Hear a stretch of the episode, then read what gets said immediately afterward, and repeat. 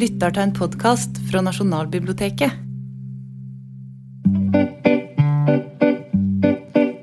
Det sto et hus i Grønne gate som ble sprengt i vilden sky. Dette frekke attentatet fant sted midt i Tromsø by.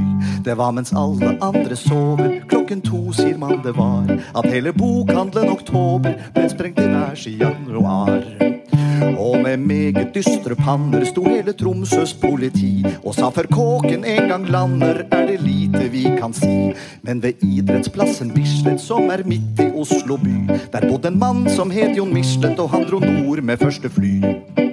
På Grand Hotell i spisesalen ba han pressen møte frem. Så holdt han denne lille talen før de atter ble sendt hjem. Polstimester Hals har gjort det, det må anses som bevist. Oktober bokhandel er borte, og politimesteren er nazist. Politimesteren ble forbannet da han hørte slike ord. Han sa han bor langt syd i landet, hvorfor kommer han hit nord? Neste gangen som det smeller her i Tromsøs gode by, bør hver AKP-ML-er følge med i vilden sky. Men herr Michelet ble på stedet i en ukes tid omtrent, for å få hele stedet fredet som oktobermonument. Men så kunne politimesteren si at kjeltringen var tatt. Slutt på denne ville western, han ble arrestert til natt. Da de tok skurken var all fare over, og han har fått sitt. Ingen ny nazist, men bare en vanlig gjennomsnittsbanditt. Denne nyheten fikk blodet til å koke hos noen hver. Herr Michelet dro hals over hodet mot syd og bor rett på seg der. Hele dramatikken fislet ut i intet, det er bra. Er Hals seg glad igjen, og mislet, har glemt alt han en gang sa. Så er denne visen over, 50 øre koster den. Den går til bokhandelen Oktobere som er uten hus og hjem. Den går til bokhandelen Oktobere som er uten hus og hjem.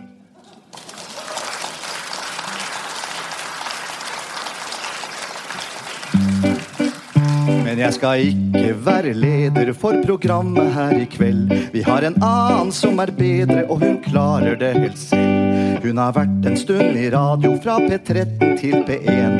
Hun er kveldens første dame, her er Kari Slottsveen.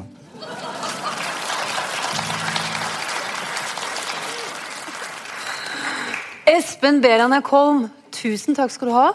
Jeg har aldri blitt introdusert så fint.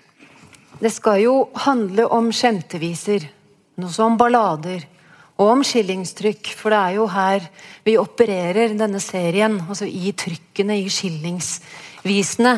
Men vi tar noen avstikkere hit og dit, det har vi gjort eh, alle disse kveldene. Dette er jo folkehistorie, og det er folkedyphistorie, og det er historier om Um, om politikk og om kjærlighet og om, om uh, vanlig, vanlig liv og om arbeiderhistorie og sånn. Vi har jo vært gjennom mye av dette her disse kveldene også, men denne gangen altså skjemt. Den første visa vi kan begynne å snakke om, tenkte jeg, Olav, kan ja. vel tidfestes til 1647? Ja, øh, hvis vi skal tenke på skillingstykk, så er det det. Og, og Skillingstykket har jo liksom den fordelen at forutsetningen er boktrykk er kunsten, og boktrykkerkunsten kan vi datere, og dermed så er vi liksom etter reformasjonen. Mange av disse visene er laget før. og så har de da, altså Balladen er jo en middelaldersjanger, og det er også skjemteballadene. Mm. Så de eksisterte da i munnlig tradisjon, eller eventuelt skrivende ned på papir før det. Og så kom de da inn i den trykte verdenen ved boktrykkerkunsten. Og da er det som du sa, 1647. Den første skjemteballaden ble trykt, og den ble trykt i København. Og den heter altså da 'Ramnebryllupet i Kråkelund'. En lang, lang vise om eh, et dyrebryllup med dyreaktører, da, som jo er mennesker, selvsagt, men som har liksom ligger i spenningsfeltet mellom dyr og mennesker, og som da gjør at uh, dette blir komisk. En får en komisk effekt av det. Mm. Og 1647, da var vi et eh, Norge som et lydrike under eh, Danmark. og Vi fikk ikke trykke eh, hva som helst selv. Fikk vel knapt trykk. Vi hadde vel ikke trykkeri? hadde vi det? Nei, det kom da et beskjedent trykkeri i Kristiania på 1600-tallet. Og dette henger da sammen med at Norge var relativt under båten, da, må vi si, i dansketida. Dette er jo dansketid, og danskekongen så på Norge som et suspekt land. Det var katolsk, og det var mange som kanskje ikke hadde så lyst til å være underbruk under Danmark, så Norge ble styrt hardt og holdt nede da gjennom bl.a. gjennom eh, boktrykkervirksomhet. Fordi bøker var viktige, og dette kunne en ikke overlate til nordmennene sånn uten videre. Sånn. Og Grunnen til at jeg spurte om det, var jo nettopp dette med at man gjennom alle tider har brukt eh, humor som en måte å kanskje frigjøre plass på. Skaffe seg armslag når det ellers er vanskelig å komme til orde, eller farlig å komme til orde. Mm. Og at det ofte kan finnes både altså, skjult maktkritikk og samfunnskritikk, og at man setter fingeren der det gjør mest vondt, mm. men bruker humor. Men hvordan ble det altså her, Denne sangen her er jo et ravnebryllup, og disse dyreskikkelsene representerer kanskje menneskelige arketyper? Er det en parodi, eller hva er det for noe? Ja, det er nok en parodi, jeg kan godt kalle det det. og Det var faktisk en prest som laga denne her uh, skillingsvise varianten. og Han eh, tok da utgangspunkt i en tradisjonstekst, og så skrev han den om til sotramål. Så dette er da et godt eksempel på gammelt sotramål også. da. Eh, den var det nok ikke noe sensurapparat i København som ville gjort noe med av litt ulike grunner. De skjønte vel ikke hva det sto? De ville sikkert kanskje ikke skjønt den. Nei, det er akkurat det. Eh, men eh, en var jo påpasselig overfor andre ting, da, bl.a. Absalon Pedersen Beyer og Peter Dass, som altså da fikk ligge utrygt fram, framover. Ja. Mm. Men det er jo skjemteballadene, skjemtevisene, er jo fulle av samfunnskritikk, som du sier. og Der altså da styresmaktene får gjennomgå. Lensmann og prest og konge og hvem det nå kan være. Ja. Og en har eh, ekteskapsforhold og kjønnsroller. Alt dette her går inn i en, denne store eh, komiske tradisjonen. Og det å prøve å finne ut av hva vi ler av, hvorfor vi ler, hva folk syntes var morsomt den gangen, hvorfor? Det blir sånn svær og vid oppgave. Men å se på hva folk lo av for lenge siden, og kjenne etter om det kribler litt i dag, er jo alltid en nyttig øvelse. Ja. Nå skal vi vel høre etter hvert ei vise om eh, en sterk kone, og, og slike fansementer. Altså, det er jo sånn typisk eksempel på omsnudd kjønnsproblematikk. Mm. Eh, eller vi kan ta og Holberg gjør jo det samme i 'Jeppe på bjerget', altså mm. der han lar eh, Nille banke opp Jeppe. Og det lo de av den gangen? Og det lo de veldig av da, mm. eh, for det var Dere ler av det nå også? og det er jo, eh, men i dag så er det vel sånn at en har en sånn liten sånn Hvis en tenker litt etter, så spør en kanskje seg sjøl om det er så veldig morsomt, da. Nei. Resultatet er jo at stakkars Jeppe han blir jo alkoholiker pga. denne kona. Da. Ja, Vi skjønner kanskje mer hvorfor han drikker nå. Ja, gjør det. Mm. Men det er jo den der at man faktisk lo av dette med den ynkelige mannen og den sterke kona. Mm. Den visa vi skal høre, når er den fra? Er det 1800? Eller er det tidligere? Ja, jeg tipper at det er middelalderstoff, dette her. Altså, så langt tilbake? Ja, det tror jeg det. Altså, det var jo en stund uh, at uh, balladeforskere mente at komiske viser, humoristiske viser var mye yngre enn de andre balladene. Fordi de var komiske. Og Det var i seg sjøl et forfallstegn og et modernistisk tegn. Men det er egentlig ingen grunn til å mene det. De er, har samme eh, ærverdig alder. Det er middelalderting, dette her også, da, som har Akkurat. overlevd. Så, så med, med, det de tenkte var hum, altså Med humoren forgikk verdens ærlighet. altså Da var det slutt på på det flotte og det fjonge. Da var det inne i forfallet. Du vet at når Reiseradioen første gang gikk på lufta, så var jo dette et av de første store utskjellingene. var jo nettopp dette med at nå kommer forfallet. Nå går den nedenom og hjem. Ja. Og Siden så har jo nye humoruttrykk blitt møtt med det der. Det er jo et refreng som rir mm. generasjonene som en sånn munter mare. Ja, det var nok noen som hadde innvendinger mot skillingstrykket også, sikkert. Ja. Og de har jo leger da på Nasjonalbiblioteket og andre steder fram til i dag. Og det er jo en grunn til det. En har liksom ikke begynt på dette her eh, uoversiktlige og litt sånn primitive greiene. Primitivt? Fordi ja. man tenker at det er det? Ja, fordi en, eh, altså, fordi en eh, da, hun mente at det var primitive eller uinteressante ting. da. Ja. Hun gjorde, har gjort det i, i andre land, altså i, men ikke i Norge. Vi skal høre denne sangen om den sterke kjerringa og den mindre sterke mannen. Ja. Mann og kjerringa. Den første natta me låg i hop Da kjeldest med å klappas. Den andre natta me låg i hop, så slåss me som hund og katta. Nei, aldri så i dagen god. Nei, aldri fikk jeg nattero for kjerringa. Den tredje dagen me låg i hop, da toa med øyre. 14 dager etterpå jeg kunne lite høyre. Aldri så jeg dagen god, nei, aldri fikk jeg nattero for kjerringa. Så tok jeg med min nye båt og rodde til andre sida. Kjerringa tok eit bakstetrau og kom fram på samme tida. Aldri så jeg dagen god, nei, aldri fikk jeg nattero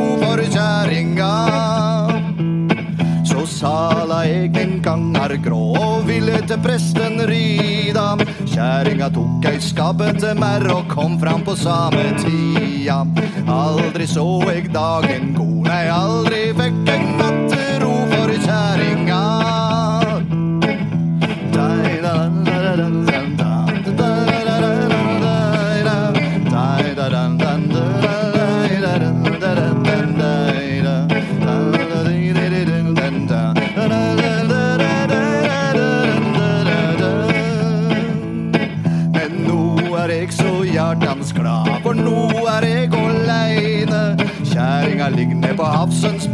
og velter på svære steine.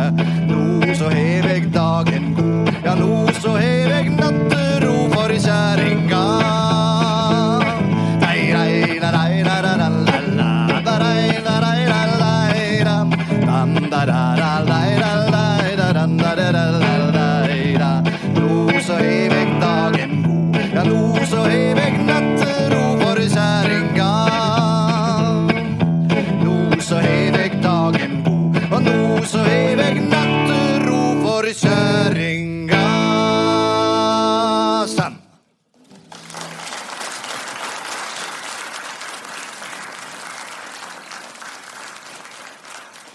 er jo rett og slett, eh, Espen, en, en gøyal vise om et mord. Ja. Jeg tralla bort det mordet, altså. Jeg gjorde det. Det er visst et mord som foregår der. Det, det skjønner man jo på slutten der. Ja. Ja. For jeg tror ikke hun drev og lempa stein av fri vilje ned på Hafsensbotn. Altså. Nei, jeg tror ikke det. Det er jo en del av disse sangene som eh, forteller om hvordan man skal kvitte seg med ubehagelige Det er kjerringer, da. Eller menn. Eller menn, ja. ja. Eh, sånn som denne Det var ei kjerring i Vexford, det var sagt at hun levde der, hun elska mannen sin høyt, men hadde en annen mer kjær. Turi uti til uti til jurum. Det er sikkert noen av dere som har hørt den. Og så skulle hun gjøre ham blind. Og så skulle hun eh, dytte han ut fra brygga når han ikke så noen ting lenger, men mannen gikk til side, han og hun var den som datt. ikke sant? um, men det der er rent fysiske i en del av disse sangene her Vi har snakket litt om det, Ola, tidligere også, at det er em, Altså Disse pausvisene foregår jo mye oppi hodet. Oppi knollen. Men dette her er veldig fysisk. Er det noe som er typisk for en type skjemteviser? Noe av den gamle humoren, altså den eh, med middelalderrøtter, eh, som er mer eh, som du ser, fysisk eller konkret, eh, og som er mindre altså Den er verbal, men den har jo ikke liksom den moderne kvikkheten. Altså den vits... eh, som ligger i språket, den er ikke utvikla på samme måte. Så du har ikke blitt veldig preget av dette arbeidet? Nei, ja. En blir jo det, vet du. En blir prega av alt en driver med. Men, eh, men jeg syns jo på den andre sida så er det jo Jeg tror at noe som karakteriserer eh, altså den der visa som du sang nå, det er jo situasjonskomikken det er som, som bærer mye av det. Altså Man må liksom forestille seg alt dette her, da, se for seg disse personene. Det, det tror jeg liksom er hovedgrepet. da. Men en del av dette her som er, ofte er det vi iblant kaller litt sånn underbukse- eller lødig humor. Um, og en av de låtene du også har snakka om, er en vi ikke skal synge her, som heter den derre Møllerdattera. Som gjør litt av det samme med å antyde noe man ikke sier. Altså, I dette tilfellet så er det altså det første verset å fortelle om det etterpå. Det var tre gutter, gutar, som tenkte som så, fila litt om lei. Ein av dei skulle møllarens dotter få, det ristar i ro, det trillar for to, den trea han ligg i. Mm -hmm. Ja. hva, hva, hva, slags låt er dette her? Eh, det er en veldig populær skjemteballade. Eh, og det er jo da altså Den syns jeg er veldig typisk for den her situasjonskomikken. da, som der du altså Opplegget er altså at en uh, ung mann da vil uh, ha kontakt med denne Møllardattera. Møllerdøtter er alltid veldig sjarmerende og fristende i, uh, i skjemtevisverdenen. Alltid Møllerdøtre? Ja, det er ofte Nei, noe med at mølla var en sentral plass der mange møttes. Og så, og så, er Mølleren han er jo da tradisjonelt en rik og gjerrig og brutal type som mel korn for folk, og som stel av kornet. Så han er en, altså en nokså Så om han blir lurt da, i denne visa her, så er det grunnen helt greit. Det er ikke noe synd på han? Det er ikke noe synd på nei. han, nei. Mm. Men så bærer altså da disse to andre kompisene de bærer sekken inn uh, med frieren oppi. Og så sier Mølleren at uh, for at Eh, kornet skal stå sikkert, så kan de plassere det ved sida av senga til dattera, for der står den trygt. Eh, og så eh, ut, utover kvelden da, så begynner sekken å krabbe og gå, som det står. Og så havner jo da frieren etter hvert i senga til jenta. Og, og det er jo da liksom det, det, er det komiske her, da. Mm. altså at Jeg er ikke sikkert vi syns det er så veldig morsomt, men det var men, det, men, men det er, dette er en gammel fortelling som eh, Chaucer har i Canterbury Tales. Og som altså da blitt brukt mm. om igjen av mm. denne vi, visedikteren her. da. Det er rett og slett en humørfylt trojansk hest? Det kan du si at det er. ja. og så er det sånn, ja, ja, og så er det jo et sånn klassikertema, dette her. Er det ikke det med eh, den vakre dattera og den grymme fader? altså fra opera og fra hele historien med, med sanger og, og, sånne ting. Med at um, far har jo på en måte eiendomsretten til dattera. Hun skal gjøre et godt parti, så far kan tjene enda mer penger. Så Derfor kan han være en skikkelig surpomp og en slemming, og så er det den frie kjærligheten mm. som han skal kjempe for. Mm. Men det er vel også noe med at det kanskje ikke fremstår som hylende morsomt for oss fordi vi ikke har noe dagligdags forhold til verken mølleren eller mølledatteren eller sekken med korn lenger. Nei. Eller frieren. Ja, eller frieren for den del, ja. Og trojanske hester er bare noe vi har på datamaskin, og det fins ikke gøy. Nei. Så det, det, det, henger jo litt på det også, da. Altså, ja. Referansepunktene er ikke så til stede lenger. Nei, det, det tror jeg nok. Ja, så tror jeg eh, Umberto Eco har sagt noe om dette en eller annen plass. Tror det han, eh, at eh, For at humor av denne typen skal fungere, så må det være en sånn norm som du skal bryte. Mm. Det, må, det, må, være noe å, å, å slåss mot, og her er, ligger det i sakas natur. at I gamle, det gamle samfunnet så var dette en norm å bryte. Men når det ikke, det er, denne normen ikke fins lenger, så er det ikke like morsomt. Altså. Det, det, er jo en norm å drepe kjæringa òg, da vil jeg si. i morgen ja. kjæringa. kan du si. Ja, kan kan si det at Den er jo eviggyldig, egentlig. Ja, ja, det. Vil jeg håpe, i hvert fall. Ja, ja. Men, kun, men, den kunne ikke vært skrevet på samme måte i dag? Nei, ville kanskje ikke akkurat skrevet slik. Det er med bakstetrau og gammel merr og sånt, så der er det noe i de andre referansene som faller litt igjennom i våre dager sier som Erna Solberg. Jeg ville kanskje ikke brukt akkurat de ordene. Nei, nei. Men, men altså, eh, hoffnarrer kunne jo få tungen skåret av om de gikk over apestreken i sin tid. Og seinere kunne man blitt både pisket og spikret opp og jaget ut av landet og forbudt det ene og det andre hvis man skrev noe som var til forkleinelse for makt og myndighet. Mm. Presteskap eller godseier ja. eller i det hele tatt. Mm. Men dette undertrykket som gjør at humoren har en sånn Nei, det er ikke stor litteratur, men har en berettiget plass og kanskje en viktig funksjon. Har du mm. tenkt noe på det?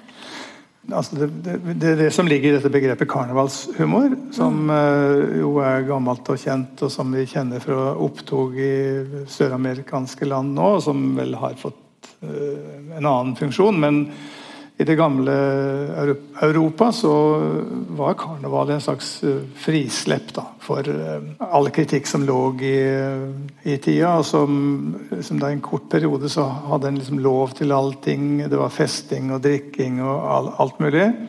Eh, og så var det tilbake til stiskjorta og havrelessa etterpå, men eh, karnevalet kan en si fungerte, og, dette, og skjemteballadene har denne karnevalshumoren i seg. da, Veldig sånn både brutalt og, over, altså masse mat og drikke, sex, eh, altså frislepp av alt. Og så, når visa er slutt, så vel, vel, da må man stramme tøylene igjen. Og det, det kan ha vært en viktig ventil? Det, det, mener mange, da. Noen mener jo til og med at uh, styresmaktene egentlig var, var, interessert i det. fordi at da hadde de liksom det her karnevalet da misnøye slapp ut, og så kunne en da stenge igjen etterpå. Men humor som bindemiddel og sånn, klassemarkør, solidaritet altså Én ting er jo eh, Det finnes gode grunner for hvorfor sang har vært viktig for opprør og fellesskap og politiske fellesskap. ikke sant? Forbrødring, alt dette her. Forsøstring også. Mm. Men i humoren så finner man jo, i likhet med de andre skillingsvisene vi har vært innom, altså en sånn mm. klassetilhørighet. Hvordan, jeg vet ikke helt hvordan jeg skal si det. Humor blir jo brukt veldig forskjellig. Det kan jo bli brukt uh, altså Hvis en nå tenker generelt, så kan en jo bruke humor aggressivt for å holde altså, vitser om etniske grupper, f.eks. Da er det jo ikke så veldig morsomt lenger. Mm. Uh, og det kan bli brukt inkluderende, som når en gjeng sitter sammen og forteller morsomme historier. og i den gamle folketradisjonen så var jo folk veldig gode på det. altså var humorist, det var Fortellere som trente på å fortelle morsomme historier. Mm. Og som da var selvfølgelig veldig gode på det. Mm. Og da var det som for å Da fungerte det i den sammenhengen som noe som bandt sammen. altså. Men uh, altså dette skillingsvise og skjemteballadematerialet, der er det jo nok stoff av den typen, men også liksom mer sammensett. da det humoren går utover noen. Mm. Espen, du har jo skrevet og vært med på å framføre utallige låter. Ja. Satiriske låter, eh, politiske kommentarer, også i 'Hallo i uken', en årrekke. Ja. ja. Det var um, ofte Morten Lorentzen som skrev tekstene, og jeg tonsatte. Ja, sånn var det. Og det er mange som savner uh, 'Hallo i uken' uh, fortsatt. Og ofte så er det sånn at når en generasjon savner noe, noe som vi har vært eh, Et radioprogram da, som Hallo i uken, som er et veldig godt mm. eksempel. Som vi har vært enige om at dette her er ukas høydepunkt. Dette gleder vi oss til. Men senere så, så går jo åra, ikke sant? og da, da er vi fortsatt enige om at dette var absolutt det beste som noensinne har vært. Ja, var det det? Var Ikke sant? jeg vil jo håpe at de aller fleste i hvert fall har fått nye vaner på lørdagen nå et ti år senere. Eh, men, men, det er ikke godt å si om det var det beste. Men eh, vi kan jo tenke at det var det beste. Ja, for vi lo av det da. Ja, vi lo av det, det da. Vi lo. Men ja. var det en sånn forløsning der også, fordi det var ja, ikke sant? Fordi Mandatet til, til den sendingen var jo å speile kongeriket i uka som gikk. Nemlig. Så det som skjedde for to uker siden, det var helt uaktuelt, med mindre det hadde noe med denne uken å gjøre. Ja. Eh, og da ble det jo veldig felleseie for alle som leste aviser og hørte på radio og så på TV. Ja. Og det vil kanskje fremstå som veldig støvete i dag, mye av det, ja. Men det var veldig gøy. Ja, ja, ja. ja. ja jo. Ja. Og sånn er det jo med veldig mye.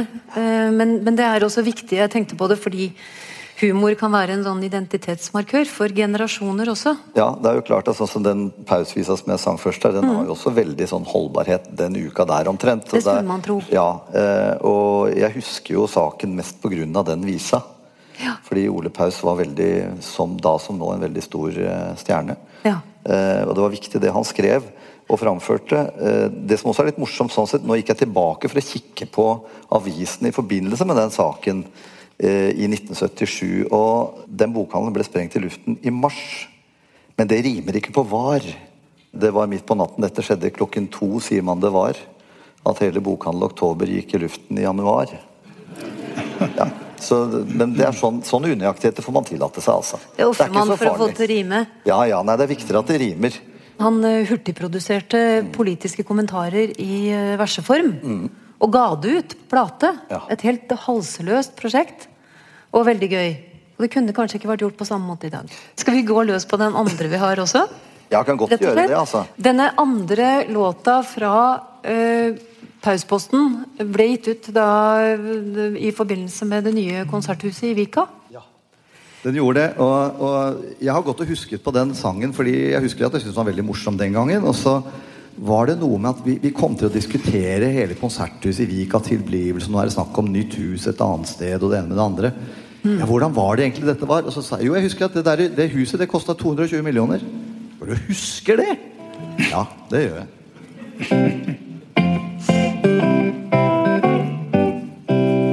Efter snaue 50 år med lureri og feilgrep står konserthuset i Vika, det ble innviet i år.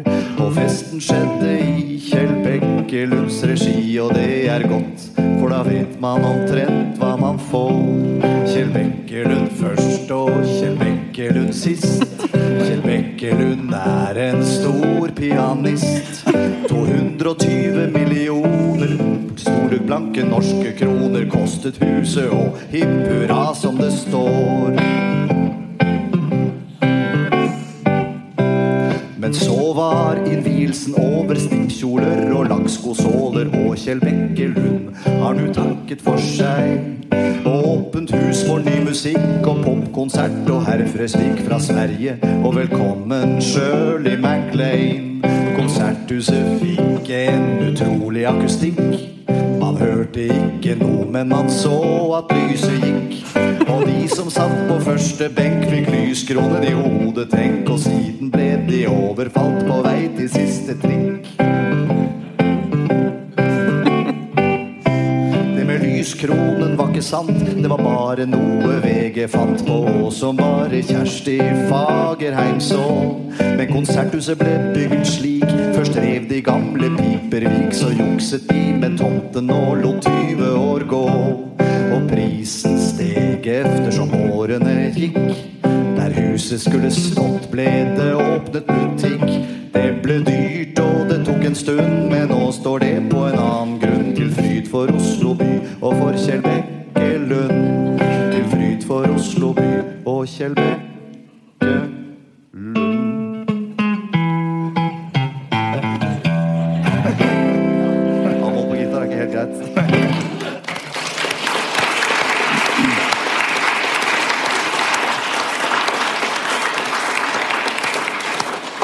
Jeg syns den har holdt seg bra, ja. Ja, den har i grunnen det. altså. Ja. Den har det. Og den oppsummerer også veldig godt hvordan det hele hang sammen. Ja, den gjør det. sånn, ja. Har du noen sånne eksempler på ballader eller skjemteviser som helt konkret kommenterer aktuelle hendelser på den måten?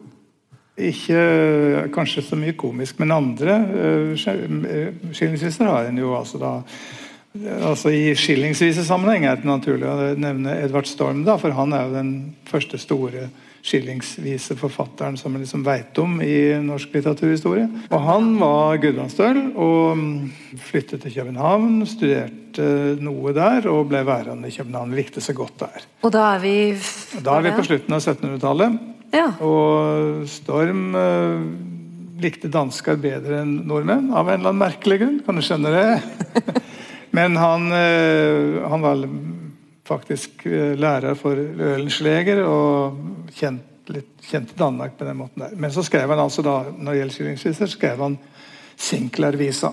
ja. Og det en, var en stor suksess, og er jo fremdeles ei kjent vise da, blant mange om eh, altså skottetoget, eller den skotske leiestyrken som var hyra inn av svenskene, og som kom, gikk i land i Romsdal. Og skulle liksom foreta en knipetangmanøver da, mot nordmenn, men som bøndene klarte å slå i hjel oppe i Ja. Gudbrandsdalen. ja. Nesten ingen overlevde. Ja, den er jo ganske eksplisitt, er den ikke det? Veldig Åpne klar på det. og- Ja, det, skottene blir framstilt som eh, brutale soldater. Det var de sikkert også. Og Ja. bøndene da som heltemodige forsvarere av fedrelandet. Men denne visa da, den eh, har jo stått i lesebøkene oppover Mm. i uh, historia. Den står vel ikke der lenger, men eh, den gjorde det iallfall. Og Og det er en ganske fantastisk vise, da. Den er fint laga. veldig fint. Ja. Ordentlig profesjonelt. Og, og har liksom mye av det folkelige, populære Eh, Edvard Storm var jo ingen stor humorist, som dere jo kanskje har forstått. Var ikke det? Men han skrev fint. Han var god til å skrive. Ja. Var øh, en flink mann. Eh, han skrev også på dialekt, og det var ikke komisk. Han skrev dølevisene sine. og Ja. Så kom ut som skillingsviser. Og der er det, det er kjærlighetsviser og mm. oss har gjort hva gjerast skulle. ikke sant? Det er jo en stormklassiker.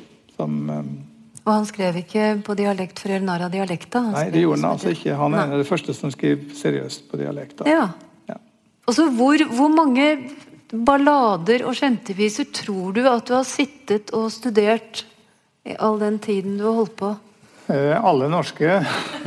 hvor mange kan det være? Ja, hvor mange er det, da? Det er 40 omtrent, tror jeg. Eh, cirka.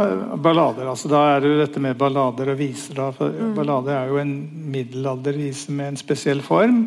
Ja, hva, hva, er det som skiller en ballade og en vise for dem som ikke helt vet det? Ja, nei, ja, Det er jo da en anonymvise vi, der vi ikke kjenner forfatteren. og Den mm. har gått i tradisjon, og i prinsippet er den da fra mellomalderen, jammen om noen kan være litt yngre. Mm. Og så har den enten da fire linjer eller to linjer og refreng.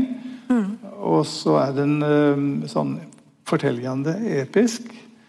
Og den har um, eh, altså den har noen sånn uh, fortellerteknisk Den har mye formler eller faste uttrykk. Mm. Det er sånn hoved tatt på sparket definisjonen på en ballade. og Der er det mange typer. Det, mest, det mest, kjente det er sånn som Olav Viljekrans og mm. Raumkveet. Altså det er alvorlige ting. da. Mm. Men så har altså disse kjempeballadene vært der hele tida som en motvekt, tror jeg, eh, i forhold til alt det andre stoffet. Og, mm. og, det er disse som har vært mest utbredt geografisk i Norge. Eh, og fins veldig veldig mange varianter med mange av dem. Mm. Og det har overlevd bl.a. ved å bli barneviser eh, i moderne tid. Så um, Per Spellmann eksempel, det er en middelalderballade. Skjemteballade. Er det det? Ja. Det, den heter andre ting i andre deler av landet, men, eh, men det er liksom da den um, Det er litt sånn det er en morsom vise fordi den jo stiller opp kunsten mot arbeid. Ja. ikke sant? Og, ja. og heller jo da fram kunsten som det mest verdifulle. Hva kan Per Spellemann hete andre steder i landet? vet du det? Ja, Han kan hete uh, Ola Bonsen f.eks. og Knut Båtsmann. altså Det er jo liksom sånn sekundært, det kan være hva som helst, men det opplegget er det samme. altså Fela mm. og kua. Ja. Som er liksom da diskusjonen her, da. Det er jo et idiotisk standpunkt å ha i et førmoderne samfunn der en altså levde av solide ting som feavl og korn. Ja. Eh, og det å være kunstner, eller iallfall spelemann, som det langt fram på 1800-tallet, var jo den visse undergangen økonomisk. Mm. Eh, det, ingen kunne overleve av det, men han gjorde altså det likevel. Da. Det er liksom på en måte også en sånn protest da, mot mm. Familien har spurt. Ja. Mm. ja. Men du er altså da Per Spellemann? Ja. ja du ikke få deg et ordentlig arbeid snart. Jeg har sagt at nå begynner det å bli litt seint. Ja. Men seriøst, har du fått den? Ja. Det er... får deg noe skikkelig å gjøre? Ja, ja, ja. ja, Det har jeg hørt mange ganger. Ja, men det, det var godt å høre, da. Ja. Men det har dessverre ikke hjulpet, altså. Nei. Nei. Men, men, tror du det er derfor man, man eh, ofte Eh, skrev historier om at fanden var i fela. Altså at man var besatt av djevelen eller noe sånt noe. Når man drev med sånn musikk som fikk folk til å danse og Ja, det, det var jo kobla til mm, en del andre ting. da, altså Spillet i seg sjøl. Det, det, det, det føles så mye med seg som da de ville ha innført dans i skolen for noen tiår siden. Mm. Så, eller som Hegtun skal ha sagt han uh, om en Det er vel en dørstokken hjemme. Han skrev noe om en Anton som hadde vært og sett på Han hadde vært på en fest, og da hadde han sett denne nye dansen tango. Som han jo ikke kunne fra før. da. Og han syntes jo det så litt merkelig ut, men du verden så hensiktsmessig! Det var så Det er litt av det samme her, da. med ja, da, så, så, men eh, nå får en lov å spille fele i kirker. Ja. ja. Og det fikk man ikke en stund? Nei, det er ikke så veldig lenge siden. Jeg husker, jeg husker jo det. At, er det sant? Ja, altså, altså Jeg har aldri prøvd sjøl, men, men, eh, men, jeg husker det som fenomen. Men er, Kan man applaudere i kirka nå? Det kan man. Ja, det er i orden. Det går bra. Ja. Lenge siden jeg har vært her, kjenner jeg. ja. Um, ja. Men altså Balladen har hatt ganske høy status som forskningsobjekt i Norden i mange hundre år. Hva med skjemtevisene? Og skjemtevisene har ikke hatt det. Hvordan har skjemtevisene blitt, eh, blitt eh, omskrevet av når det gjelder forskning på dem? og sånn? Ble de sett ned på, eller hvordan Ja, de ble jo i grunnen det. altså Sett ned på og, og mm, samla inn litt seint. Og ja, disse samlerne sier jo da det samme hele tida. Altså at uh, folk kommer først med det andre. Ja. Og så kommer de til slutt med skjemtevisene. Og jeg er nokså sikker på at en del skjemteviser har ikke blitt skrevet opp fordi sangerne har kanskje ikke trodd at dette var noe å komme med. Nei. Altså Når Landstad f.eks. Uh, var prest og allting, og alvorlig mann og Han skrev jo bl.a. opp denne Møllerdottera som vi har snakka om. Men han trykte bare fem strofer, fordi resten som han skriver, ikke kan trykkes. Eh, og så var, Landstad var veldig streng. Og det var jo de fleste da. Og så var, kom de jo fra byen og langt opp i Telemark og andre daler. Og det var liksom, det følte jo respekt med disse folka. De satt nok liksom litt på gjerdet og lurte litt på om de kunne komme med en del av dette skjemtevisestoffet sitt, tror jeg.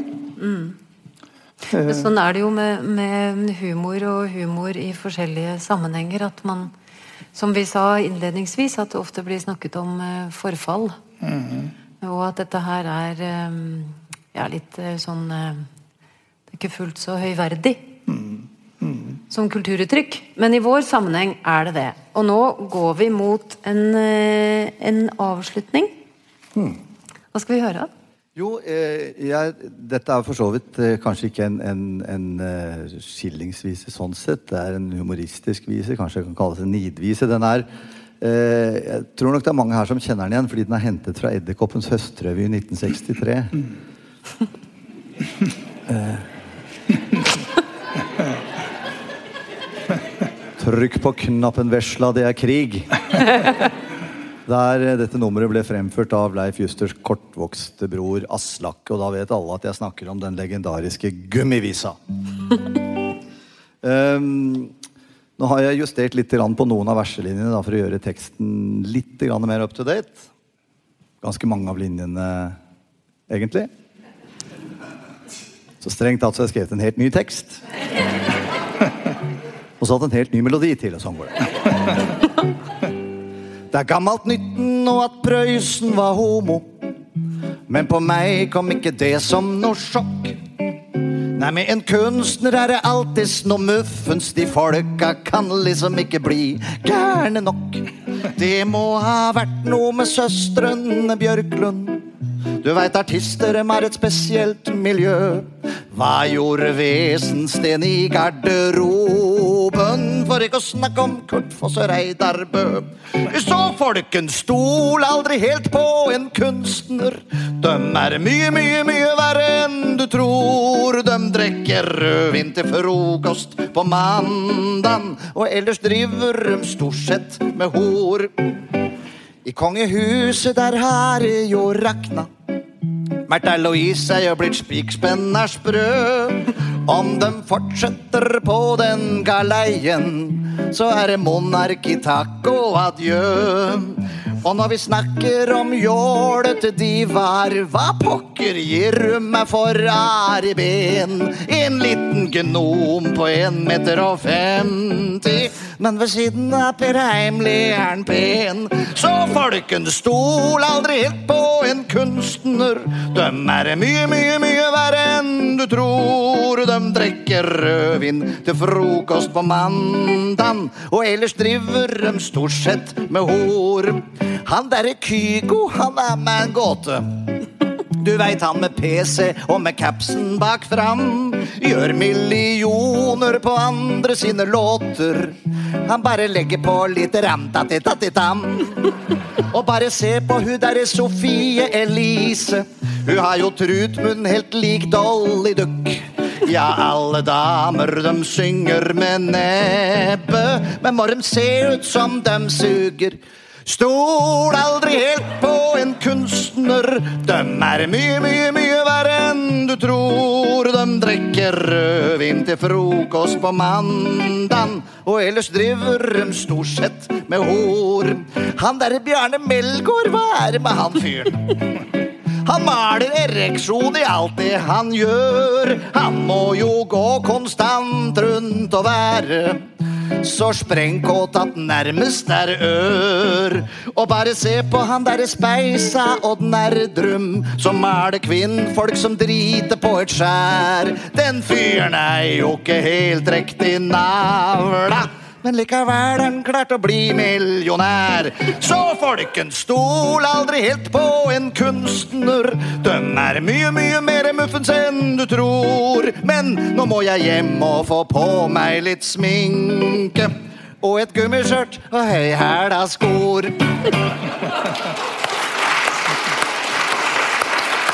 Tusen takk.